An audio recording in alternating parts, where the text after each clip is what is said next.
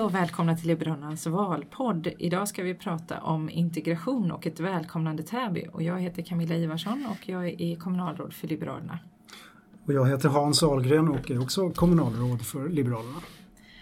Ja, idag ska vi prata lite, om prata lite om integration och ett välkomnande Täby. Och eh, det är ju ett hett ämne just nu. Alla partier och alla har åsikter om hur det ska, vi ska på bästa sätt ta emot våra nya medborgare.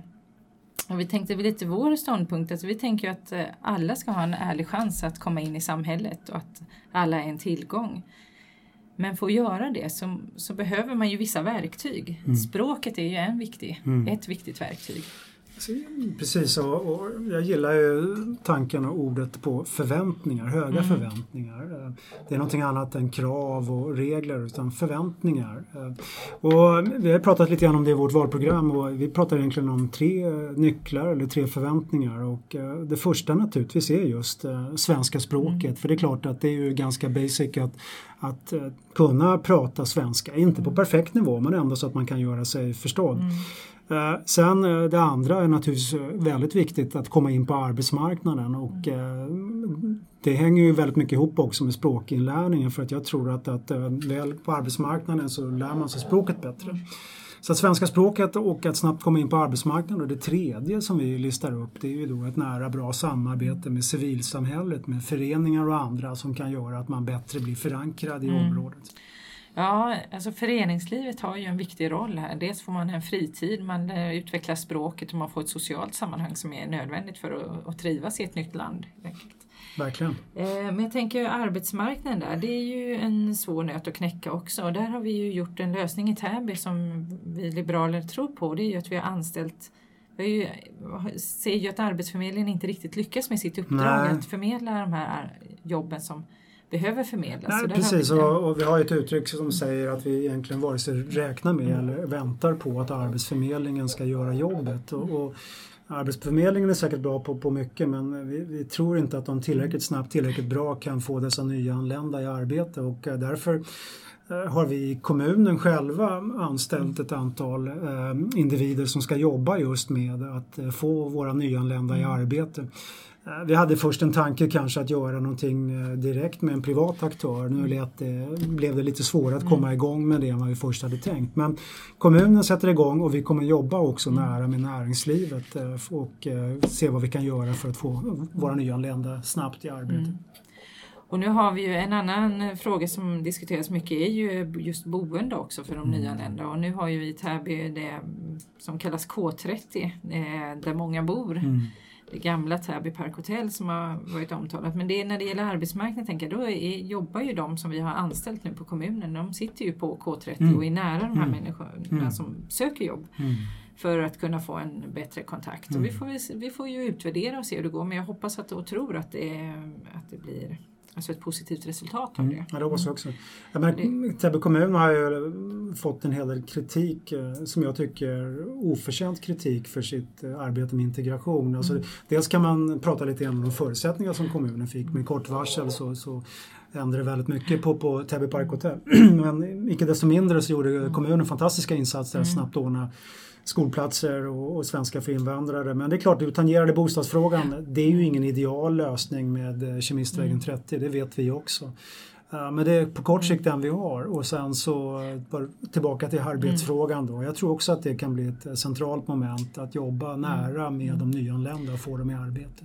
Och det är ju också det naturligtvis som är tanken med bostadsfrågan, att man ska ha möjlighet att komma in på arbetsmarknaden och också möjlighet att skaffa sig en, en bostad naturligtvis. Ja, för att då händer mycket. Va? Mm. Kommer man in på arbetsmarknaden så får man vänner och bekanta, man får en egen inkomst, mm. man kan också ta lån, man får därmed möjlighet också att mm. lättare skaffa egen bostad. Mm, mm. Och när det gäller det här med föreningslivet där och, och dels så, det pratar vi om två delar. Dels civilsamhället naturligtvis, de föreningarna som vi faktiskt idag får mycket stöd och hjälp, alltså som hjälper kommunen mycket ska jag säga med att vara en kontakt mellan eh, alltså vara en kontakt för de nya Täbyborna. Eh, både när det gäller läxläsning och hjälp att skriva CV och allt det. Men det handlar ju också om att vi har det här VIDA-projektet där man faktiskt också får en eh, kopplas ihop med en förening där Mm. man får kopplas ihop med en fritidsaktivitet. Det tror jag du eh, kan bättre än jag så att jag tror du får spinna vidare lite grann. Ja, nej men där är det ju, där är det Vida-projektet, där ser man ju vad en, alltså att delta i en förening, vad det betyder för människan. Alltså det kan vara en kör eller det kan vara trädgårdsarbete, lära sig trädgårdsodling eller vad man nu har intresse av. Eh, och att då få en kontakt in i en förening gör ju också att man får en kontakt in i ett socialt sammanhang. Mm.